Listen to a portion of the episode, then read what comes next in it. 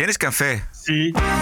This is the TPO podcast. Oppositie over nieuw kabinet in één zin. U maakt Nederland helemaal kapot. En over wie gaat de dit? strijd tegen racisme en seksisme. En dat deed ze om het, op een onnavolgbare manier. En daarom ehm, resoneerde haar werk zo ongelooflijk, eh, ja, zeg maar, cross the board, over the world. Ja, wie is dit? En Amerika komt terug op radicaal linkse politiek. It's time that the reign of criminals who are destroying our city, it is time for it to come to an end. Aflevering 309. Ranting and Reason. Bert Bresson, Roderick Phalo. This is the award winning TPO podcast. Goedemorgen, Goedemorgen. iedereen. Daar zijn we weer. Daar zijn we weer. Gezellig. Vrijdag 17 december is het. Wat een drukke week hebben we gehad, eh, Bert. Eh, als je bedoelt eh, de coalitieakkoorden. Ja, en, en we hebben nog een uitspraak. En we hadden ook nog een, Oh ja, de uitspraak. een datacentrum van Ja. Facebook midden in de polder in Nederland. Waarom kiezen ze toch Nederland uit? Goed, Ja. gaan we het allemaal over hebben. Woensdag hadden we dus en de presentatie van het nieuwe kabinet... en de zaak van het CIDI tegen Baudet. En ik heb die woensdagavond, Bert, ik weet niet hoe het met jou was... maar ik heb vijf minuten op Twitter gekeken en toen ben ik weggegaan daar. De hysterie op Twitter kon ik, kon ik even niet aan. Ik zat eh, eh, tien jaar geleden op Twitter. Oh. Daar ben ik mee gestopt omdat het te hysterisch was. Maar ik kan je vertellen als, als veteraan dat de hysterie destijds eh, niets is vergeleken bij de hysterie tegenwoordig op Twitter. En ik vind echt, ik kan, wat je zegt, soms kijk je de vijf minuten en denk je, dit lijkt wel een... eh, het lijkt wel een, een parallel universum. En dat is gewoon eh, ja, gestoord. Waar, en al die mensen hebben hulp nodig. Ja. Maar het is in elk geval niet mijn universum. Nee. Dat kan ik je wel vertellen. Ik ga daar lekker weer snel weg. En doei, lekker in de tyfus iedereen op Twitter. Zoiets, dat gevoel had ik ook. Dus ik ben die woensdagavond ben ik naar die prachtige tv-serie over de Koude Oorlog gaan kijken bij NPO Plus. Ook lekker vertrouwd en overzichtelijke tijd natuurlijk. De Koude Oorlog, goed en slecht, was allemaal heel helder Zo en is dat. En ik las deze week dat dinsdag, afgelopen dinsdag, die Italiaanse journalist is overleden. die zo'n beetje de belangrijkste vraag uit die Koude Oorlog gesteld heeft. Op 9 november 1989. Daar was Günter Schabowski van het Politbureau. die kondigde aan dat de grens openging. Und deshalb äh, haben wir uns dazu entschlossen, heute äh, eine Regelung zu treffen, die es jedem Bürger der DDR möglich macht, äh, über Grenzübergangspunkte der DDR äh, auszureisen. Ja. En dan is er dus die Italiaanse journalist die dus deze week is overleden. Maar die vraagt dus op 9 november 1989... Ja, maar wanneer treedt dit nou in werking? En dan bladert die Schabowski even door zijn noodverordening... en die zegt dan, voor zover ik weet... Zo voort, meteen. Das tritt nach meiner Kenntnis ist das sofort. Unverzüglich. Ja, onmiddellijk. En toen ging es los en was het hek van de dam. Eh, 89 jaar is hij geworden volgens mij. Ja, toch wel lekker oud. En die Schabowski die is al eerder overleden. Ja, Die werd 86. Honecker ook. Goed. Hoe heet de serie? Gewoon de Koude Oorlog. Check. Zullen we het dan maar eventjes toch over het nieuwe kabinet hebben? Want vandaag maakt Rutte een nieuw begin met het formeren van de ploeg. Hij krijgt de fractievoorzitters op bezoek en die doen dan allerlei voorstellen voor ministers en staatssecretarissen. En het hangt deel van hun voortvarendheid af wat er nou van al die plannen terecht gaat komen. Het spreekt vanzelf dat de oppositie weinig vertrouwen heeft. Geert Wilders zegt dat tegen Sigrid Kaag zo. U maakt Nederland helemaal kapot. Maar geloof me dat er miljoenen mensen in Nederland zijn die niet willen dat we ons land kwijtraken. Die niet willen dat we onze cultuur kwijtraken. Die niet willen dat ze vreemden in hun eigen straat, in hun eigen wijk, in hun eigen land gaan worden dadelijk. En dat is wat u doet met uw open grenzen en met uw, met uw elitaire beleid. Heel goed. De Heel aver- goed, Geert. De aversie straalt er vanaf. Is volgens mij niet gespeeld, zeker niet. En Kaag antwoordt Wilders als volgt. Er komt een hele verstrengde aanpak op de aanwezigheid van diegenen die hier aantoonbaar absoluut geen recht hebben om hier te zijn. Met als sluitstuk van deze aanpak een ongewenst verklaring. Dat betekent niet dat wij hier mensen zitten in te bussen of in te vliegen. Mensen komen hier eigenstandig. Wij willen het recht op asiel van diegenen die geweld en oorlog ontvluchten. Bijvoorbeeld de bekeerling. Of bijvoorbeeld de vluchteling die ook LHBTI is. Die heeft recht op bescherming in Nederland. Dat draagvlak willen wij behouden. En ja, we pakken ook juist de overlastgevende aan... omdat de Nederlandse inwoners, wie zij ook zijn... wie zij ook zijn, meneer Wilders, zeg ik via de voorzitter... om daar wat aan te doen. Ja. Wat een bullshit. Nou ja, we- we- weet je, het zijn allemaal woorden. En de, die Loze woorden, beloftes. Ja, dat, eh, precies. Want die woorden die hebben we, horen we horen al vier jaar. Zo niet langer. En het is helemaal de vraag of al die woorden ook in praktijk worden gebracht. En of er Ja. ook daadkracht achter dit kabinet zit. En zeker op Wie dit, dit- onderwerp. Eh, wie dit nog gelooft is gek. Serieus. Dat is, ik bedoel, eh, eh, we weten allemaal dat het niet zo werkt. En we weten allemaal eh, dat, het, dat er eh, wat er binnenkomt helemaal niet alleen maar mensen zijn die een oorlog ontvluchten. Maar Marokkanen eh, en, en, en Algerijnen, waar we helemaal niets tegen kunnen doen. En waar we helemaal niets mee kunnen. En dat heeft te maken met, eh, met wetten, onder andere Europese wetten. Dus daar gaat ook Kaag niets aan veranderen. We weten ook dat eh, het leuk dat Kaag heel inclusief de nadruk legt op LGHBTI-alfabetvluchtelingen. Maar die komen in Nederland meestal in een nog grotere hel terecht. Eh, eh, eh, om- om- omdat er geen bescherming is voor dat soort vluchtelingen. Omdat het dan weer moeite kost om dat te erkennen. Omdat we ook weer, anders zijn we weer bang dat het aan de islam ligt en dat we racist zijn. Dus laten we nou niet doen alsof dat iets gaat veranderen. Dat, ik vind echt een, een laf en goedkoop verkoopverhaal van Kaag. Ja. Want het, je kunt ook zeggen bijvoorbeeld, we gaan de Europese wetgeving aanvechten. Of we gaan het vluchtelingenverdrag vernieuwen. Je hoeft het niet op te zeggen, maar we gaan een andere interpretatie geven eraan. Want er wordt te veel misbruik gemaakt van dat eh, vluchtelingenverdrag. En we zitten met te veel asielzoekers die we toch verder ook weinig toekomst kunnen bieden in Nederland. Precies, je kan ook zeggen, we laten eens even een keer geen asielzoekers toe. Ja, Maar dat het... kan dus niet, want dat mag niet van Europa. eh, want dat, dat is dus het punt. Dit is, dus, er komen er eh, asielzoekers via, ik noem eens wat, Belarus. Komen er eh, asielzoekers binnen via Polen, omdat het Europa niet lukt om iets te doen tegen Lukashenko. Ik noem maar wat hoor, ik noem maar wat. Of er komen asielzoekers binnen via de Canarische eilanden, omdat het de Spanjaarden niet lukt om met de Marokkanen overeen te komen om eens een keer op te houden met het door laten gaan van Marokkanen vanuit de woestijn. Of er komen asielzoekers binnen via Turkije. Ik noem nog eens wat, omdat Erdogan zich niet aan de deal eh, houdt. Die moeten allemaal worden verdeeld. En dat moet allemaal solidair en eerlijk. Want eh, de EU is zogenaamd solidair en eerlijk. Dus je kan niet als lidstaat zeggen: Ik wil niet. Ah, dat eh, zijn lidstaten die dat doen, maar daar Ja. loopt het meestal niet zo goed mee af. Nou ja, Dus- Denemarken, Denemarken is zo'n land die dat Ja. gewoon zelf ter hand neemt. En niet het braafste jongetje van de klas speelt. En eh, dit kabinet is toch zo gek op quota. Ik bedoel, waarom zou je niet een quotum kunnen instellen voor het aantal migranten? Dat je ook zegt, net zoals in Canada gebeurt. Weet je ook? Ik bedoel, de Trudeau, dus de grote Precies. progressieve leider van de wereld. Die zegt ook gewoon van nou, we hebben per jaar zoveel mensen nodig. En dat moeten eh, verpleegsters zijn, dat moeten onderwijzers zijn, dat moeten houtbewerkers zijn, noem maar wat. Weet ik wat. Die heeft gewoon een wensenlijstje. En die mensen haalt hij gewoon binnen. En dan zijn er natuurlijk nog een, een aantal vluchtelingen. En die zegt hij van nou, wij nemen dat percentage. En daar weet iedereen waar die aan toe is. Ja, Waarom zegt het kabinet dat niet?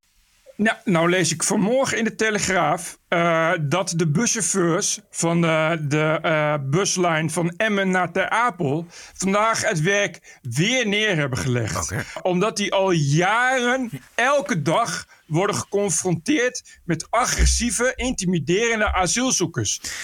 Het enige verschil met de afgelopen vier jaar is dan wat ik hoor in de woorden van Kaag. Dat zij zegt, ja, die overlastgevende asielzoekers, die krijgen dan nu een papiertje dat ze ongewenst zijn. Ja, dat zijn ze al. En dat zijn ze al, maar dat levert dan iets extra's op of zo. Ik weet het niet. Maar inderdaad, Nee, geen, niet. geen ferme taal, geen vertrouwen dat dit probleem wordt opgelost de komende vier jaar. Het is absurd dat dit eh, coalitieakkoord gewoon weer ruim baan geeft voor asielzoekers. Die kansloos zijn, die weten dat ze toch allemaal naar Nederland kunnen. Omdat ze daar toch kunnen doen wat ze willen. Omdat er helemaal niets aan wordt gedaan. En ze weten dat dat met dank is aan het nieuwe elan en het nieuwe leiderschap van Sigrid D66 Kaag. Van Haga ziet nog wel op onderdelen meestemmen met het kabinet. Ja, allereerst is het in het belang van Nederland dat er een kabinet komt. Dus het is mooi dat het zover is. Dus gefeliciteerd daar, daarmee. En onze premier houdt natuurlijk altijd een, eh, een mooi verhaal, zoals we van hem eh, gewend zijn. NLP verantwoord. Je wordt tijdelijk een beetje gehypnotiseerd. Hè? En na 38 jaar uh, VVD-lidmaatschap heb ik dat wel vaker gehoord. Dus ik ben een beetje ervaringsdeskundige. Maar ik kreeg wel een beetje het gevoel alsof ik naar Obama luister. Hè? Je hangt aan de lippen, prachtig verhaal. Maar er wordt niet geleverd. Hè? Uiteindelijk is het netto-resultaat vaak nul. Het is een beetje alsof je in je broek plast. Eerst is het heel warm. En daarna uh, bekruip je toch een minder goed gevoel. Is wel zo. ja. Hij weet nog wel wat, wat dat is in, in zijn broek plassen. Want dat kan hij Ja, zo leren. Ja. Hij heeft wel gelijk. Het is inderdaad, eh, Emiel Raterband eh, zou er eh, zijn vingers bij aflikken. Bij, bij de manier waarop Rutte en de VVD hun, hun boodschapjes verpakken. Ja. Je, wordt, je wordt echt inderdaad gewoon net zo lang gemanipuleerd dat je er toch maar weer in gaat geloven. Ja, dat is de kracht van de VVD. Ja. En dat is precies waar het natuurlijk, waar dat vertrouwen ook heel erg de mist in gaat. Ik geloof dat nog maar 30% van de Nederlanders echt vertrouwen heeft in de overheid. Dat heeft natuurlijk ook Ja. met de toeslagenaffaire te maken. Maar goed, het, het, de- dat is misschien wel het allerbelangrijkste wat dit kabinet te doen staat. Is dat vertrouwen herstellen. En dat doe je door dus niet alleen dingen maar eh, te roepen op een mooie manier. Zoals Rutte en Kaag dat kunnen. Maar ook om te leveren. En daar hebben ze dan vier jaar, zolang het duurt eigenlijk, voor eh, om dat te bewijzen. Als dat niet gebeurt, dan ja, is het een faalkabinet van hier tot Tokio. Ja, maar goed, dat waren de vorige kabinetten ook al. Jawel, Ik- maar ik ja, bedoel, goed. ik- ja. dan, eh, ik- wel, het vertrouwen kan eigenlijk niet dieper zinken. Dus, dus er kan, ik bedoel, eh, bovendien, ja, dat het kan wel falen. Maar kan je nu al vertellen dat dan de volgende keer de VVD weer de grootste wordt. Ja, dat zeg jij eh, vaker. En ja, dat, ja eh, dat, dat zeg ik elke keer. En Ja. elke keer eh, eh, geloof jij iets anders. En ik weet nee, niet ik waar je dat geloof niet wat vandaan anders. Maar ik, en er moet, dan moet er maar een alternatief zijn. Ja, nou ja, ik, ik weet het. Dan moeten mensen maar ja 21 gaan stemmen. Nou, zoiets. Of, maar kijk, Ja. maar ik ben wel erg van dat het land de regering krijgt die het verdient. Dat, is- dat, Hey, dat, dat is wel zo. ja. Maar ik, ik vind dat, dat men, kijk, het punt is natuurlijk dat al die mensen eh, geprogrammeerd en gebrainwashed zijn. En daarom weer gewoon VVD gaan stemmen.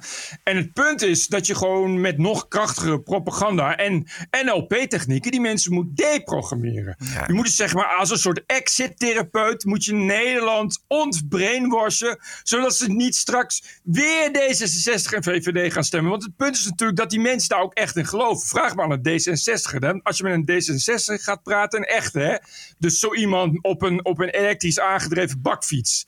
Eh, met, een, met een Tesla die in Amsterdam woont. Dat, dat soort mensen. Zo'n blanke, zo'n roomblanke eh, bruine schoenen dragen. Die in de consultancy werkt. Als je daarmee gaat praten, heb je echt het idee dat je denkt van... Ik weet niet uit welke tijd of wel, Nee, uit dat welk precies, dat- komt. Maar dat is toch niet... Nee. Niet, maar ik kan me niet voorstellen dat jij, dat jij en ik op dezelfde planeet wonen. Dat is mijn idee, namelijk dat Rutte gered is door corona.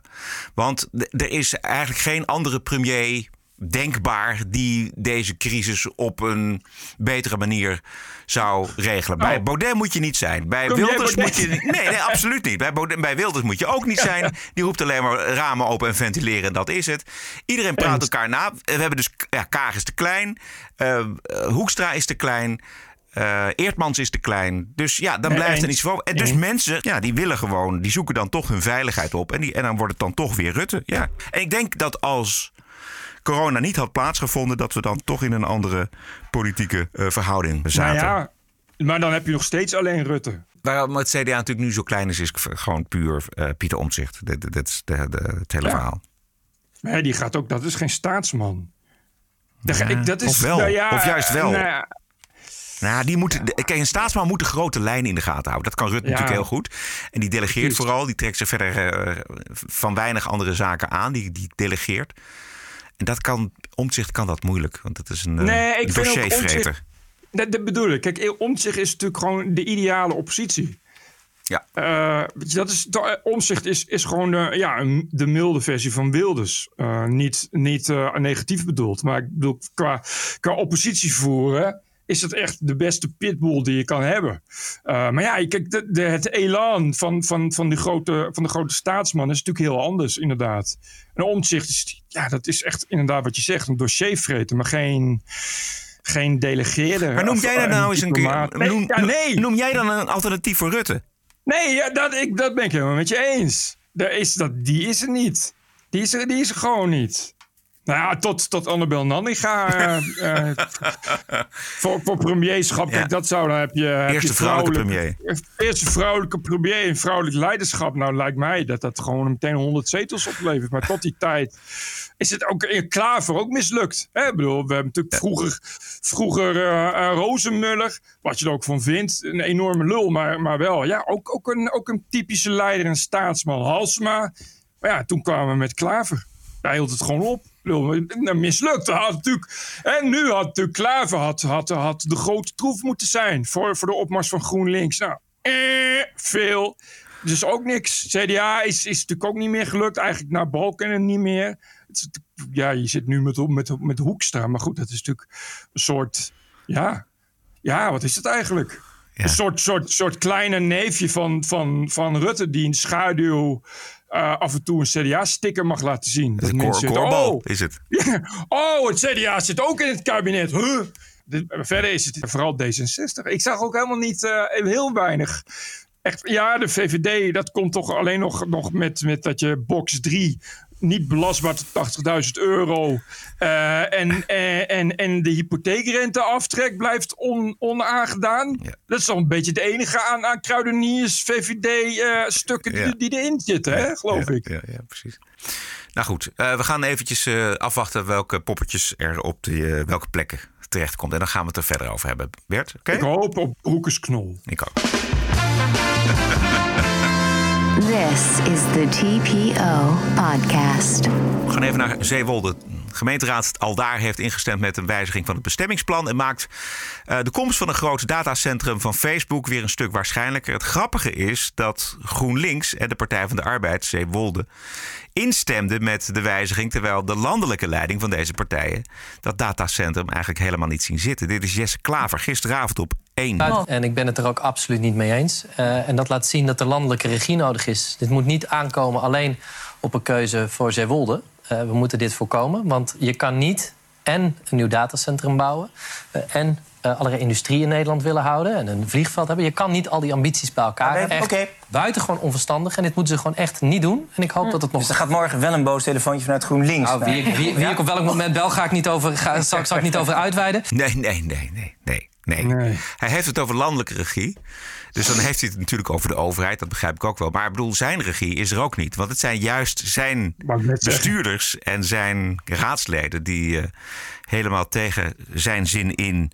voor de wijziging van het bestemmingsplan hebben gekozen. Het is duidelijk dat hij dus geen macht meer heeft. Of in ieder geval geen gezag. GroenLinks is gewoon foetsie, dat is duidelijk. Als je dit, dit, want dit is natuurlijk heel ernstig. Ik las, eh Prit schreef vanmorgen op Geen Stijl... van ja, de reden dat, dat, dat die mensen daarmee instemmen... is omdat ze natuurlijk straks ergens anders een beter baantje krijgen. Dit is natuurlijk, ja. het is natuurlijk gewoon ordinaire koelhandel. Dat kan natuurlijk een klein kind zien. Ik bedoel... Facebook, de lobby van Facebook, is natuurlijk huge. Dat, dat is echt, echt voor, voor Nederlandse begrippen ongekend. Dus natuurlijk zitten daar eh, raadsleden tussen die eh, straks ergens burgemeester worden of dijkgraaf. Op het moment dat je dat niet, die regie niet meer hebt, heb je gewoon een serieus probleem. Want dit, een datacentrum van Facebook, dat vreet aan, aan elektriciteit. Ja, dat is 16 keer, 16 keer het huishouden van Nijpels per dag. Zij, je, het datacentrum sl- slurpt net zoveel stroom als de hele NS in één jaar. Ja, dit. En die stroom, die, stroom die moet groen. Dus dat worden weer meer Ja, windmolens en meer zonnepanelen. Maar wel Nederland van het gas af. En dit is natuurlijk desastreus ook voor de kiezer die nu ziet dat de- tegen dat big tech kun je gewoon niet op. En je weet inderdaad, ik, ik zag dat ook in de comments bij Geen Stijl. Daar liet iemand zien een staartje van hoe je als eh, eh, bedrijf, als grootverbruiker van, van stroom nauwelijks belasting betaalt aan stroom. Dus die, die liet zien van ja, de, de gemiddelde gebruiker, hè, de gemiddelde jij en ik, betalen dan zeg maar 100 euro per jaar belasting. aan, aan, aan stroom. Eh, als je een Facebook datacentrum bent, dan eh, betaal je, ik geloof, geloof 5,80 euro belasting per jaar. En daarom willen ze allemaal hier naartoe komen. Daarom is, dat, Ja. dat, dat is het belastingklimaat van Nederland. Alles wat, wat het kabinet doet, wat GroenLinks doet, wat die linkse partijen doen, wat die Ed Nuypels voorstelt. Uiteindelijk is het allemaal zo. Want als je dus als, als datacentrum of als grootverbruiker ertussen wil, no problem. En dan lijkt het Nederland ineens wel China. Ja, exact. En er komt ook natuurlijk helemaal niks op deze manier terecht van die klimaatambities. Nederland volbouwen met datacentra, met blokkendozen, met een miljoen Ja. huizen. 20 miljoen inwoners heeft het CBS berekend, komen eraan eh, dat aantal biomassa blijven stoken. En op termijn twee kerncentrales erbij. Natuurlijk te weinig. En dan biomassa blijven, blijven stoken. Er wordt dan wel in het regeerakkoord gezegd... we gaan dat zo snel mogelijk afbouwen. Maar dat is nou precies waarom Nederland in de problemen komt... met die CO2-uitstoot. Nou, oké, ik ben benieuwd wat eh, de milieuorganisaties gaan zeggen. Als, je, als jij in de Zeewolderse polder een enorme datacentrale met, met een eigen elektriciteitscentrale wil gaan bouwen, wat dat aan stikstofuitstoot gaat doen, wat dat aan milieuschade gaat doen. Succes ermee de komende jaren. Ja, Baudet, laten we het toch eventjes over hebben. Vanaf donderdag mag eh, Baudet geen vergelijking meer maken tussen niet-gevaccineerden en de Joden in de jaren 30 en 40 in Europa. Heeft de rechter bepaald? Hans Thewe heeft daar eigenlijk gisteren al alles over gezegd wat er over te zeggen valt. Dit is de korte versie. De Holocaust? Really? Really? Het vergelijken met de Holocaust? De Joden werden niet vervolgd omdat ze iets niet wilden doen. Die werden niet vervolgd om wat ze, wat ze, wat, wat, wat ze gezegd hadden, of om wat ze, wat ze hadden gedaan, of om hun religieuze opvattingen. Nee, het maakt allemaal helemaal niks uit. Als jij Jood was, dan ging je er gewoon aan. Zo ging dat.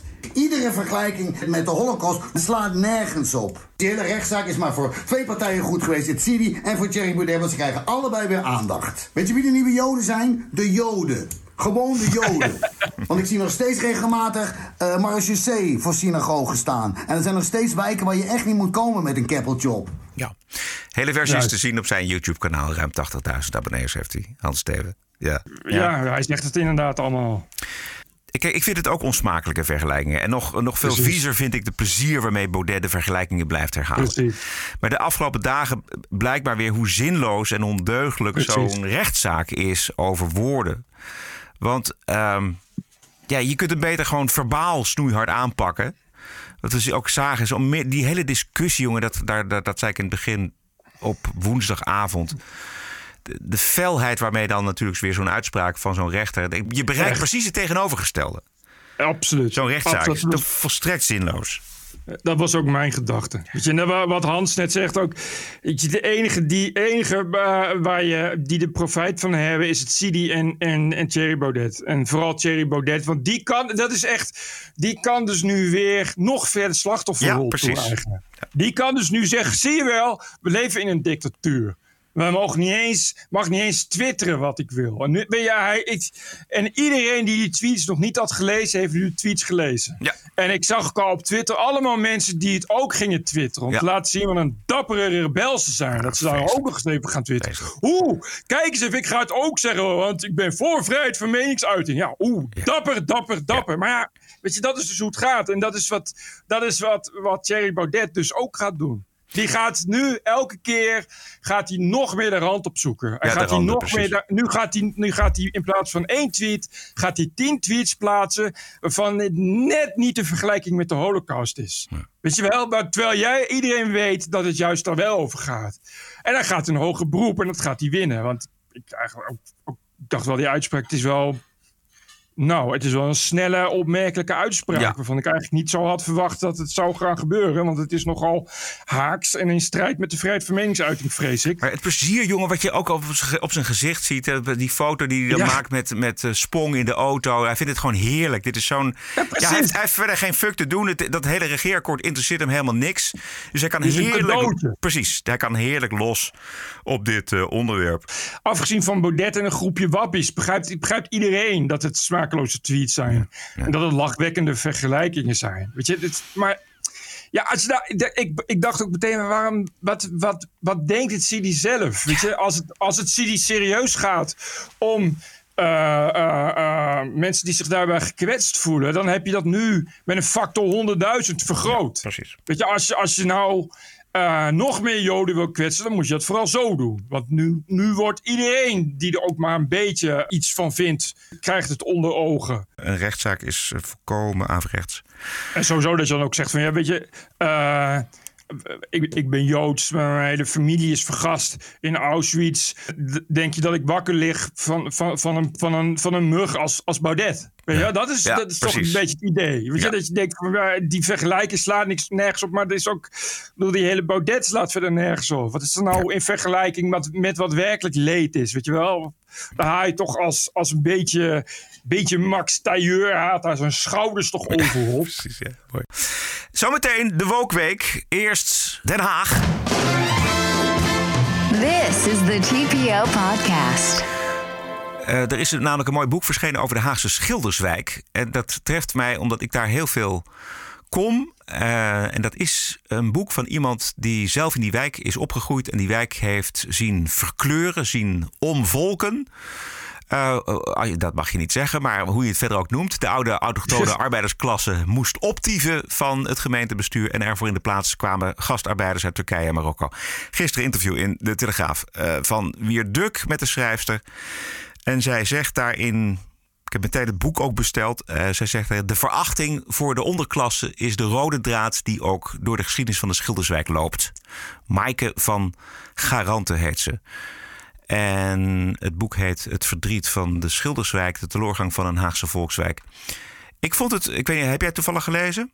Nee. Dat interview? Hij Nee, zei, ik- Zij groeide op in een straatarm gezin. Haar vader was postbode in een verpauperde buurt, dus de Schilderswijk. En ondanks de armoede en de problemen thuis was zij als kind gelukkig. Het was gezellig in de wijk en iedereen was arm. Eh, eh, dus we wisten eigenlijk niet beter. En vervolgens vertrok dat gezin, omdat het gewoon die wijk ook verpauperde. En eh, Maaike, de schrijfster van dit boek, die had zoveel heimwee naar die buurt dat ze terugging. Dus toen ze getrouwd was, keerde ze in 1983 terug. En van de wijk uit haar jeugd was eigenlijk helemaal niets meer over. Alles was weg. De gemeenschap, het straatleven, de gezelligheid. Er woonden alleen nog maar allochtonen. En als ik een voet buiten de deur zette, schrijft zij als 22-jarige blonde vrouw, was ik een prooi. Ik werd altijd lastiggevallen, zelfs klemgereden en vastgepakt. Met de vrouwen kon ik geen aansluiting vinden, want bijna niemand sprak Nederlands. Zij is in die gemeentearchieven gedoken en ontdekte het dédain van het gemeentebestuur voor de oorspronkelijke bewoners. De, zeg maar de, de, blanke, eh, autochtone arbeidersklasse. Die eh autochtone bewoners, dat, is- ja, dat staan klootjesvolk en tokkies. Dus die, die, die moeten hun bek houden. Maar dat is toch, ja, denk ik, PvdA-beleid, zal ik maar zeggen. Zeker PvdA, maar de VVD zat ook toen in het. eh, Het heeft zich afgespeeld vanaf halverwege de jaren 70. Dat was dit, de Schilderswijk was natuurlijk een Ja. oude wijk waar veel verkrotting ook plaatsvond. En die huizen waren niet meer modern. En toen Ja. heeft de gemeente Den Haag heeft eigenlijk die hele wijk platgelegd. Grote gedeeltes. En die hebben daar helemaal nieuwe. Eh, afschuwelijke huizen neergezet. Althans, van de buitenkant afschuwelijk. En ze hebben dus die hele sociale cohesie helemaal kapot gemaakt. Inderdaad, nou, dus dit, als je die geschiedenis bekijkt, ook hoe eh, er, er bewust destijds ook voor is gekozen om een soort ja, propagandacampagne, om dat meteen te demoniseren. Eh, en je daar ook als, als blanke bewoner van Zwijk ook helemaal niets kon zeggen. Ook niet, niet iets, maar gewoon dat was, was automatisch waren dat gevaarlijke racisten. Exact, want dat Ah, is ja, precies ja, wat, ja. Wat, wat zij te horen. Dat zegt zij ook in dat boek. Ze zegt ook van, weet je, wij, als je daar dan eh, bezwaren tegen maakt, of zij van goh, of over klaagde van goh, waar is de oude gezelligheid uit de buurt gebleven? Waar, waar zijn mijn sociale contacten? Waar- waarom kan ik met niemand praten omdat niemand Nederlands spreekt? Dan was je een racist. Dan werd je, ja, dan, dan, dan, dan was je aan het discrimineren. Ja, maar dan werd je echt kapot gemaakt. En de, de, de media hebben daar eensgezind aan meegeholpen hoor. Dat is echt. eh, ik weet dat. eh eh, Elma Verheij, zij is niet meer onder ons, die voor het TPO schreef. Die heeft toen samen met, hoe heet die? Van Westerlo. van Westerlo zo'n boekje geschreven over lijn, lijn 13, geloof ik. Daar waar spraken ze dus tramchauffeurs en tramconducteurs in Amsterdam. Ja, die dat natuurlijk ook al zeiden. Eh, die dus inderdaad zeiden, ja, het zijn toch echt eh, vooral zwarte en de allochtonen waar we het meeste problemen mee hebben. Waardoor ik me niet meer thuis voel en niet in de tram, eh, niet in mijn wijk, waardoor de criminaliteit toe, toenam. Ja, dat is toen eh, ook helemaal kapot gemaakt. Die werden inderdaad ook eh, Ook ja, die is toen uh, geloof ik aangeklaagd en zo, dat soort dingen. Door antidiscriminatiebureau. Terwijl, terwijl het enige wat ze deden was die mensen stem geven. Weet je, niet, niet, niet dat ze dat zelf verzonnen waren. Gewoon met naam en toenaam. Gewoon mensen die ze zeiden, ja, vertel maar. Ja, nee, maar, maar die mensen hebben recht van spreken. Racist. Die mensen in de, in de Schilderswijk die hebben recht van spreken. Want er gebeurt iets in hun omgeving. Moet jij eens voor de lol een villa-wijk in Wassenaar of waar dan ook veranderen? Zet er maar eens een moskee neer. Ja. Of een asielzoekerscentrum.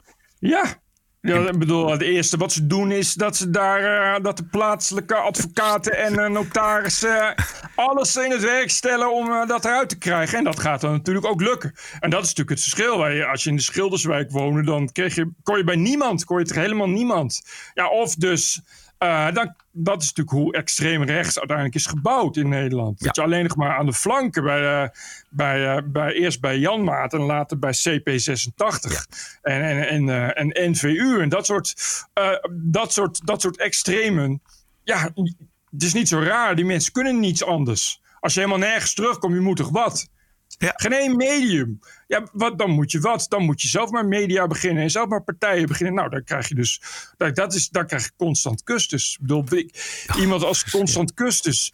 Uh, die heeft zijn hele leven ook ge gewoond in een wijk in Arnhem. Waar dat ook precies zo het geval was. Ja, en, weet je, en, de, en die mensen die, die zich bij hem aansluiten, het zijn dat soort mensen. Niet, niet mensen die hoog opgeleid zijn en in een dure villa-wijk wonen. Weet je, mensen die zich niet gehoord voelen en daar al, al hun hele leven iets, iets van willen zeggen.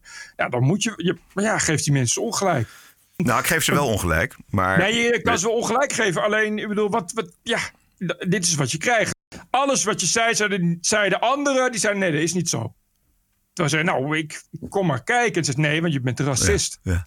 ja is... maar mijn, mijn buurvrouw woont met, met 16 kinderen op een, op een, op een, in, op een tweekamerwoning. En het stinkt hier de hele dag. En, en, en, ze, gaan, en ze slacht ook geit op het balkon. En zei, nee, je bent een racist. Zei, ja, maar je kan toch komen kijken ja.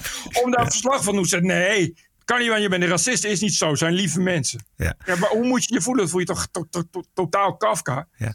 Dat was natuurlijk ook het totaal onverwachte succes van een fictief duo als Jacobs en Van Nes... die dan door die Schilderswijken reden. Nou, om te beginnen hebben ze dus uh, van de huizen waar wij gewoond hebben... Uh, niet bepaald een museum gemaakt, de nee, gemeente Den Haag. Dan zijn ze daar toch niet zo sterk in, in de gemeente Den Haag, hoor. Om uh, de boel een beetje knap te bewaren, hè. Kijk, dus, hey, kijk, kijk, kom eens even.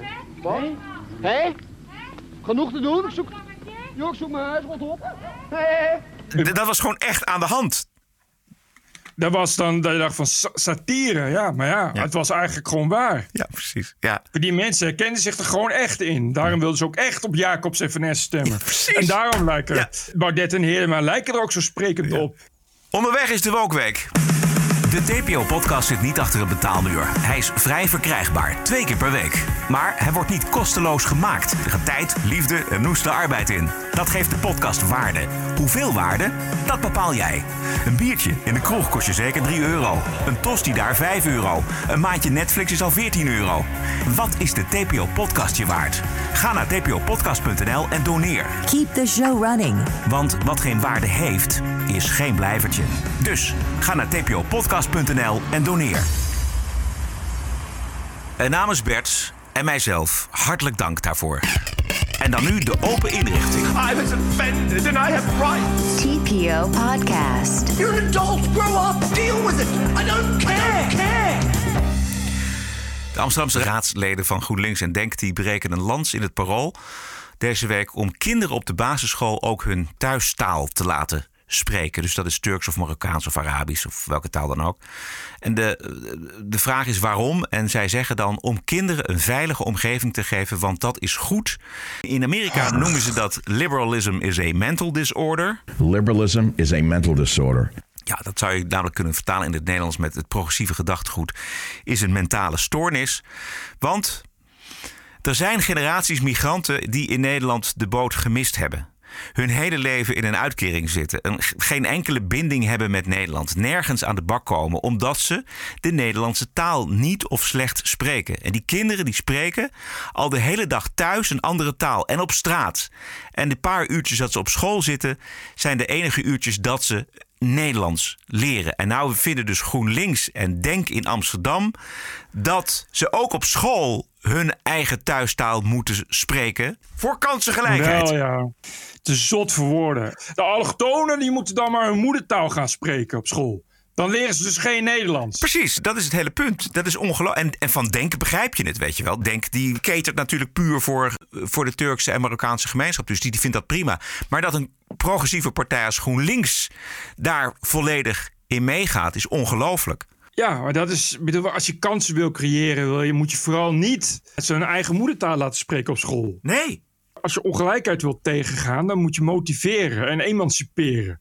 Moet je, niet, je- niet het omgekeerde. Dit, luister even naar wat zij eh, in het parool dan schrijven als argument. Vaardigheden zoals rekenen en conclusies trekken zijn taal onafhankelijk. Dat wil zeggen dat een Arabisch sprekend kind de vaardigheden zou leren in het Arabisch. Die vaardigheden makkelijker overdraagbaar zijn in het Nederlands. Geen bal van te begrijpen.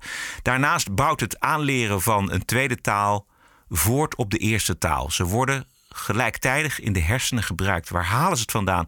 Het bevordert de hersenontwikkeling op vele manieren. Je wordt er eigenlijk slimmer van. En het bevordert onderwijsprestaties en kansengelijkheid. Dit is liberalism is a mental disorder. Dit is echt, echt totaal ziek. Het is echt totaal, echt totaal van de pot gerukt ook. Ik snap niet dat, dat GroenLinks daar meegaat. Echt, wederom is het weer... Dat je, dat je, wat, wat begrijpen ze er gewoon zelf niet aan? dat is de vraag. Wat je, wat je zegt, dat Denk dat doet, dat kan iedereen natuurlijk op zijn vingers natellen. Maar dat is gewoon, ik bedoel, Denk is gewoon een zoveel mogelijk Turkije in Nederland creëren. Ja, maar dat exact. niet... Dit is, dit is de kikker. GroenLinks is echt, ja, Ja, dit is, dit is de kikker. Dit is, zij zeggen dan: wij hopen meertaligheid een onderdeel van het onderwijs te maken om een veilige leefomgeving en leeromgeving te creëren waar iedere leerling de ruimte heeft om zichzelf te ontplooien.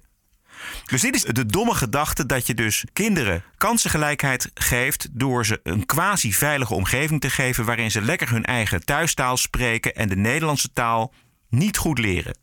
Terwijl de Nederlandse taal is essentieel voor een succesvol en een veilige toekomst in Nederland. Maar kennelijk eh, is GroenLinks gewoon voor segregatie. Ja, Juist exact. meer, meer, meer segregatie. Meer schotels, meer eh, buitenlandse zenders. Minder, minder taalkussen. Maar dat is natuurlijk een beetje ook wat GroenLinks wil. Ja. Die vinden ook, eh weet je, inburgeringseisen is natuurlijk ook een beetje kwetsend. En fascisme. Dus ja, dus, dus dit, wat dat betreft past het natuurlijk helemaal in het ideaal van GroenLinks, ja. Even iets grappigs aan Radio 1 is, eh, en ook het NOS-journaal, is dat, dat zij met eh, nieuws komen over overleden mensen die we helemaal gemist hebben in Nederland. Zo is er eh, deze week een Amerikaanse auteur en een hoogleraar overleden met de naam Gloria Jean Watkins uit Amerika.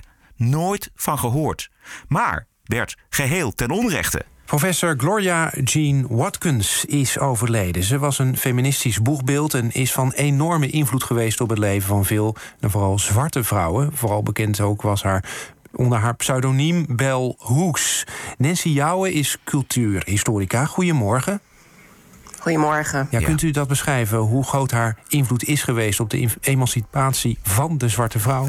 Ja, Mark, dit is Mark Visser, die weet ook niet waar hij het over heeft.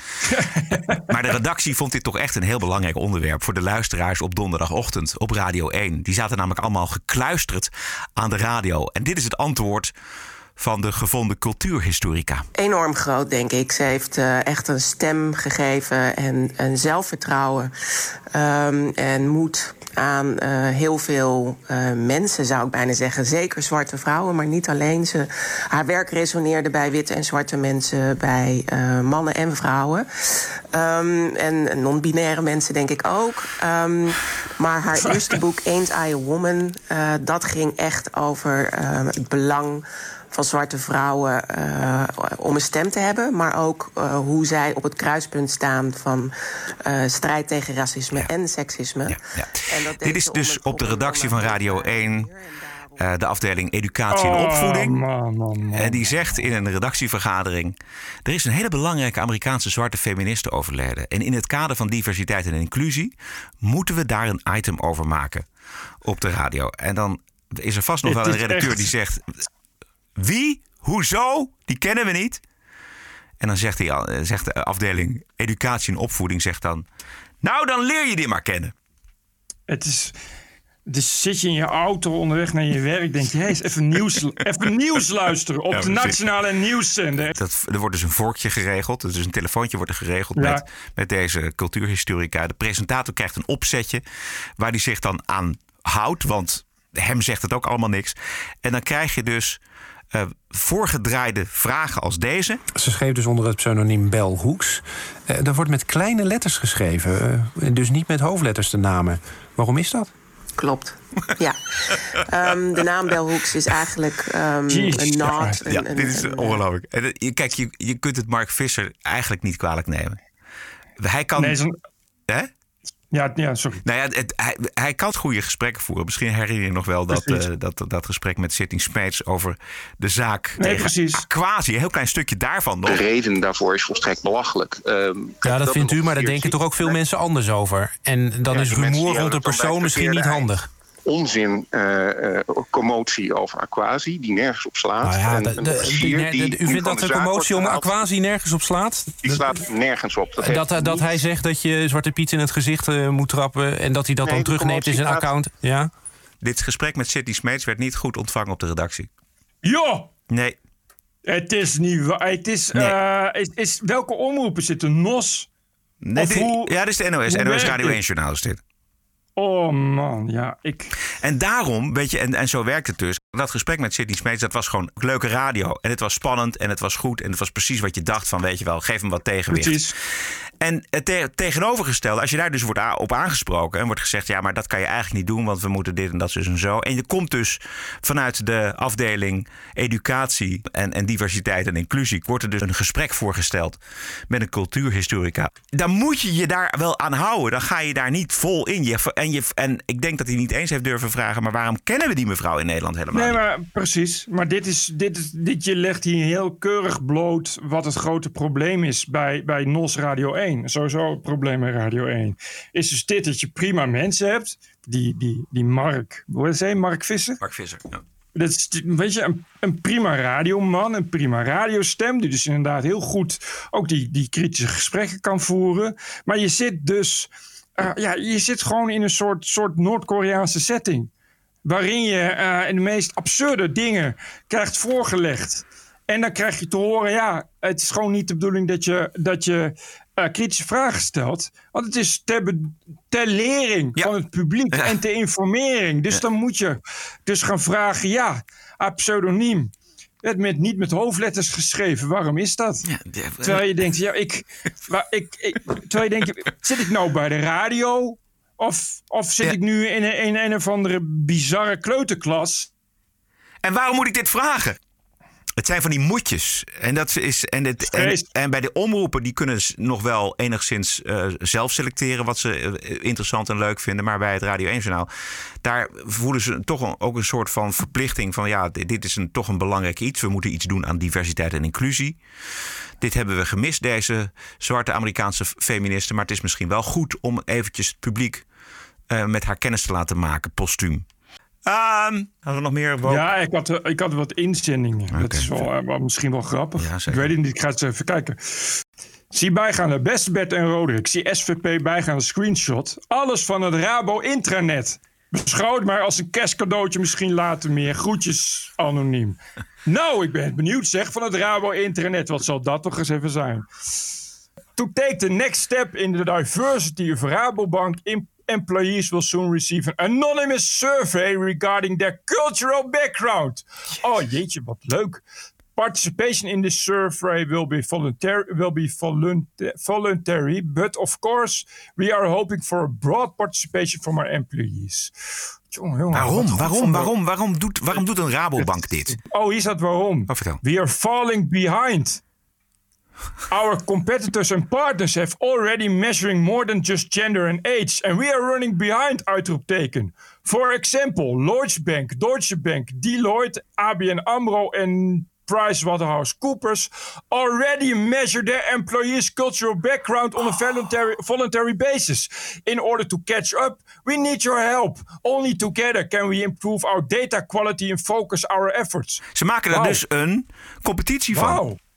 Er staat dus, dus letterlijk, het kan ons geen fuck schelen. Maar ja, we moeten wel vanwege de concurrentie, die doen dit namelijk ook. Het aanleggen van databases. Wij van de Rabobank zijn eigenlijk helemaal niet divers. Kan ons geen zak schelen als iedereen blank en heteroseksueel. Maar we willen wel graag goed kunnen deugen naar de buitenkant. Dat doen alle anderen ook. Ja, dat, dat is, eigenlijk wat er staat. Dat is wat er staat. Grappig zeg. Unfortunately, apart from gender and age, we do not have any data to show the diversity of employee- employees working at Rabobank. Eh, dus, eh, dus sorry, we kunnen niet deugen naar de buitenkant, want we hebben niet voldoende data. This lack of insight makes it difficult for us to focus our efforts where needed. Yeah, right. And become the organization we want to be. Yeah, you want to be the organization because of. It is a virtual, uh, virtual signaling. Mag ik eventjes hierop aansluiten? Want eh, Ja? dat ik eh, lees altijd op- in de Volkskrant de column, ah, eigenlijk de rubriek van Jan Kuitenbrouwer, Wakkerlands. Die gaat heel erg over woke. Ja, ja, en die heeft uitgezocht over hoe Nederland representatief is. En wat we dus allemaal zien, ook op reclames en zo. Weet je wel, er is bijna gaat geen reclame voorbij. Of er zitten daar allerlei eh, verschillende mensen met verschillende huidskleuren zitten daarin. Dat moet allemaal. Ja. Maar hij heeft dan uitgerekend, volgens cijfers van het Centraal Bureau voor de Statistiek, ik zal het even voorlezen.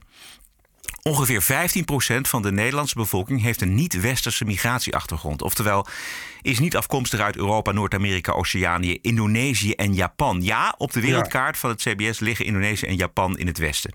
Niet-westerse achtergrond staat in de praktijk van voorkleur. En dus, dat geldt dus voor ongeveer 1 op de 8 Nederlanders. Let op. Een korfbalteam is inclusief als het één gekleurde speler heeft. Maar een basketbalteam heeft vijf spelers. Eén gekleurde speler is geen goede afspiegeling. De Corona Check app is verluchtigd met een animatie getekende figuurtjes die onder in beeld verschijnen. Het zijn er drie: een witte vrouw, een gekleurde vrouw en een gekleurde man. Daar zou uit kunnen worden afgeleid dat twee derde van de Nederlandse bevolking gekleurd is. Ja, precies. Het Kinderen voor Kinderen koor telt 30 kinderen, van wie ongeveer 10 van kleur. Bijna drie keer zoveel als de bevolking. Ja, precies. Blijkbaar gaat het toch niet om afspiegeling. Nee, helemaal niet. Dat, dat, zegt, hij, dat zegt hij heel goed. Ja, dat zegt hij heel goed. Dus en ook gaat- zoiets, hè? Dat, dat Japan en Oceanië. Ja. Wat echt. Jesus Christ. Wat, dat, dus ze zegt ja, ik ben heel divers. Ik heb eh 100, eh, 100 Japanners hier in mijn bedrijf. Ja, nee, dat is, dat is, die zijn ook een soort van blank. Ja. Die tellen niet. Nee, precies. Ja. En dat komt dan, denk ik, omdat Japan natuurlijk gewoon een succesvol eh, land is, economisch gezien. Indonesië ook. En eh, ja, die doen dan niet mee, want het gaat natuurlijk om slachtoffers. Ongelooflijk, hè? Ben je er nog? Nee, Bert is. Ben je er nog, Bert? Ik ben er weer. Oké. Ja. Wat gebeurt er nog steeds, hè? Eh, ja, ik zit, op, eh, ik zit op 3G, omdat 4G. Ik zal hem even resetten. Eén seconde, ja? Ja. Ja. Ja. Heel goed. Hoor je mij? Ja, ik hoor je. Hoor je mij? Ja. Oké, goed. Zullen we naar Amerika? Uh, yes! Eh, gaan we. TPO Podcast. Ladies and gentlemen, the President elect of the United States. This is CNN breaking news. We have never, ever, ever, ever failed in America. It's an incredible way of putting it. Telling the truth matters. It's an incredible way of putting it. This is a Russian intelligence disinformation campaign. Why isn't Joe Biden angrier about all of this? How stupid can you be? This is a classic example of the right wing media machine. It just lacks credibility. Go ahead. Steeds meer Amerikaanse steden komen terug van hun defund the police beleid. Want liberalism is a mental disorder. Eh, de criminaliteit gaat eh, door het dak in Chicago, in Philadelphia, in Minneapolis, eh, Los Angeles. Eh, dit is eh, de nieuwe burgemeester van San Francisco. De zwarte democrate London Breed. It's time that the reign of criminals who are destroying our city, it is time for it to come to an end. And it comes to an end when we take the steps to be more aggressive with law enforcement, more aggressive with the changes in our policies, and less tolerant of all the that has destroyed our city. Nou, dat noem, ik, dat noem ik wakker. Wie was dit? Dit was eh, eh, de nieuwe burgemeester van San Francisco. Een democraat, een zwarte democraat met een fantastisch mooie Oh ja. naam. London Breed heet ze. Cool. Cool, hè? Maar ja, Eerst braaf de orders opvolgen van Black Lives Matter en de politie ontmantelen. Vervolgens de criminaliteit zien exploderen. En als Ja. een gek het beleid weer omdraaien. Ja, ik klink als een democraat. Ja, precies. Maar ja, eh, ja er zit niks anders op. Er zit niks anders op, precies. Op een gegeven moment wordt de criminaliteit zo hoog dat je wel moet natuurlijk. En die criminaliteit die gaat, komt ook voor de deur van de democraten in de Ja. goede wijken. Yep. Want eh, ja, daar heb je dus ook hele straten die volstaan met tentjes. Dat is sowieso een overlast. Hoeft niet per se criminaliteit te zijn. Maar het zijn vaak natuurlijk drugsverslaafden. Yep. Maar er komen ook beelden, jongens. Ik heb beelden gezien eh, van, eh, uit, uit San Francisco. waarin er eh, echt georganiseerde overvallen plaatsvinden op klaarlichte dag. En, Yep. eh, dat is, en er is geen politieman te bekennen die ze achterna zit. En omdat het steden in heel Amerika betreft, is het uiteraard een landelijk probleem. En roept nu zelfs Nancy Pelosi om law and order. It's, it's absolutely outrageous. Uh, you know, obviously, it cannot continue. Uh, but the fact is that there is an attitude of uh, uh, lawlessness in our country that springs from I don't know where. Maybe you do. and we cannot have that lawlessness uh, become the norm. Ja, nou, het antwoord eh, dat kun je raden. Dat is Nancy. Dat is gewoon de Democraten gingen mee in die hele radicale eisen van Black Lives Matter. Wat een triestigheid. Ja. Om dan, dan, dan nu ineens te komen met... oh, lawlessness, kan echt niet, schande. Terwijl, eh, ik weet... f- De Republikeinen en Trump hebben dat toch jarenlang geroepen. Zeker nog. Het De- allemaal de racisten Ja. en weet ik veel wat. De afgelopen ehm, ver- presidentsverkiezingen heeft Trump eh, gedraaid op het thema law and order. Ja. En toen kon het niet. Toen was het allemaal vreselijk. En toen was, luisterde hij niet naar de, de noden van de zwarte bevolking. Precies. En toen was hij een racist. En nu opeens, Maar, eh, kijk maar. Dat is allemaal de schuld van white supremacy. Ja. En nu hebben we dus een zwarte burgemeester. En dan kan het ineens wel. En nu ineens is het dus eh, Nancy Pelosi zegt... oh ja, nee, het is goed dat het wordt aangepakt. Terwijl, en, maar wat je zegt, hè, dit, dit komt bij die mensen in de wijken. Dat was natuurlijk niet de bedoeling. Nee. nee. Het was natuurlijk de bedoeling dat dat gewoon de hele tijd ver weg bleef. Waar je dat niet ziet, waar je dat niet hoort. Plekken waar je toch niet komt als, eh, als eh, rijke, hippe koffiebarbezoeker. De Schilderswijk Ja. bijvoorbeeld. Ja. Precies. Nou ja, ja dit dus. Echt precies dat. Het is, eh, maar ja, wat, en al die techbedrijven, die zitten ook in San Francisco. Ja. Die zijn natuurlijk ook allemaal zo woke en zo inclusief als ze neten. Ja, tot het dus een probleem voor je eigen bedrijf begint te worden. Exact. Je eigen bedrijf wordt weggeroofd en je werknemers niet meer naar binnen kunnen. En dus inderdaad bedrijven zich niet meer willen vestigen in San Francisco en ergens anders heen gaan. Ja, precies. Eh, kijk, het zijn allemaal mooie woorden van deze London Breed en van, van Nancy Pelosi ook. Maar eh, ook hier geldt geen woorden, maar daden. Weet je wel, hetzelfde als het nieuwe kabinet. Het gaat om wat ze doen. In San Francisco krijg je dus dat je dan tot een bedrag van zoveel mag je gewoon stelen uit winkels. Weet Ja, je wel? ja, dat- precies. dat, dat soort onzin. Ja. En dat is niet zomaar terug te draaien. Want het gaat eh, maar eenmaal om wetten. Die moet je dan weer kunnen veranderen. Dus dat is niet. eh, nee, maar goed, natuurlijk, in de eerste instantie heb je gewoon meer politie nodig. En dat kan natuurlijk worden geregeld. Maar ja, Ja. Je, het is niet van, van, van, van, van vandaag op morgen klaar. Maar je kunt ook niet iemand aanhouden die bijvoorbeeld voor 90 dollar heeft gestolen. Want dat heeft verder geen zin. Nee, dan moet je wel eh, daar iets mee kunnen doen. Nee, ja, als, je mag, als je onder de 100 dollar mag, mag. Is het 100 dollar? Ja, weet ik veel, zoiets ja, inderdaad. de- onder een bepaald bedrag. Maar dan kan je wel een politieagent hebben die iemand aanhoudt. Maar dat is dan verder. Exact. Maakt het verder geen kans bij de rechter. Nou goed, ik weet niet hoeveel macht eh, burgemeesters hebben in Amerikaanse steden. Maar eh, eh, het is te hopen voor de bevolking van San Francisco en al die andere Amerikaanse steden dat er wat gebeurt aan de criminaliteit. Maar goed, hadden ze maar naar Trump moeten luisteren. Ja. Nancy Pelosi, hoor je dat? Gaat over jou. Had je maar naar Trump moeten luisteren. Dit, eh, ik heb niet meer. Heb jij nog wat? Hier, eh vulkaan is gestopt. Ja, dat hoorde ik. Al eh, dagen. En Sam Gerrits, de bekende Twitter-wetenschapper die verstand heeft van vulkanen... die zegt van, je kunt er wel van uitgaan dat hij niet meer terugkomt, die vulkaan.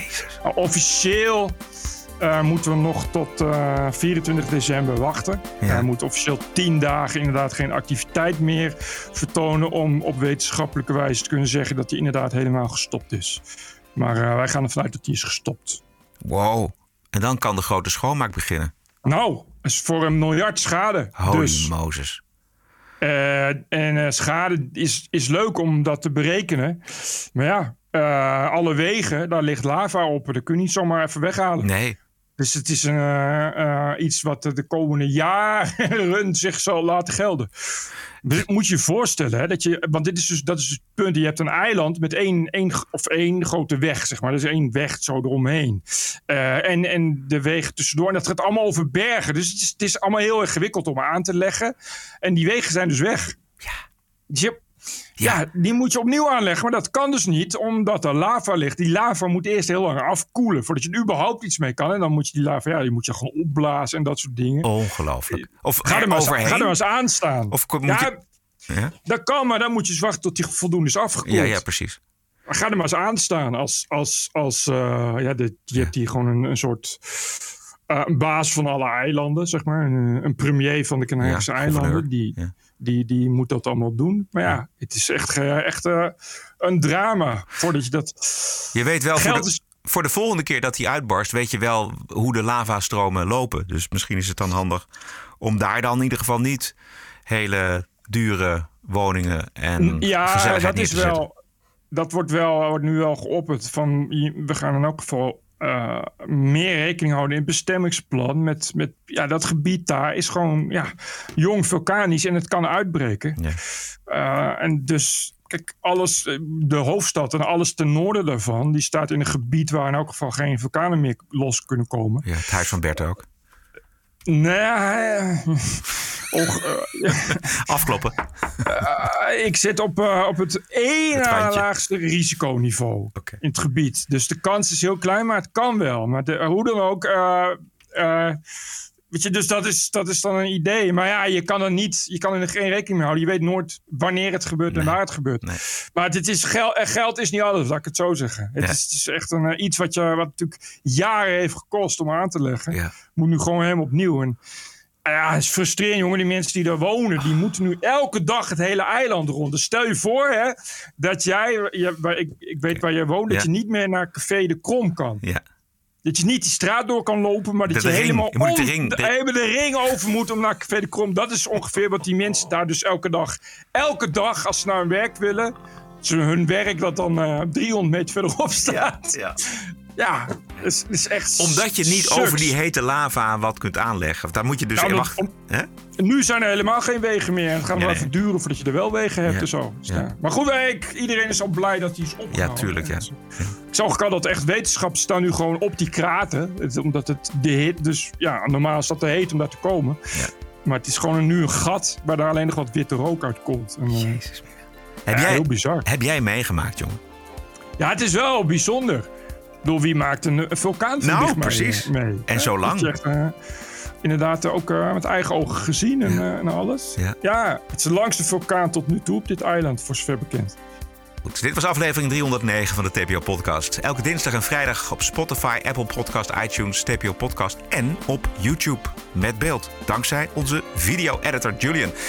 Hou deze podcast in de lucht met een financiële ondersteuning. Elk bedrag is welkom. En als je een bedrag noemen lastig vindt, bedenk gewoon wat is het mij waard en maak dat aan ons over. Ga naar de website tpopodcast.nl en we zijn terug dinsdag 21 december. Stay cool! En tot dinsdag! TPO Podcast. Bert Bruson, Roderick Balo, ranting and reason. So, we're talking about liberalism being a mental disorder, and I've given you scientific studies that prove that many of them are neurotic or psychotic. Podcasting is the TPO podcast in the Netherlands. Bert and Roderick. What a show. I'm telling you. Keep the show running. Go to tpo.nl slash podcast. Thank you.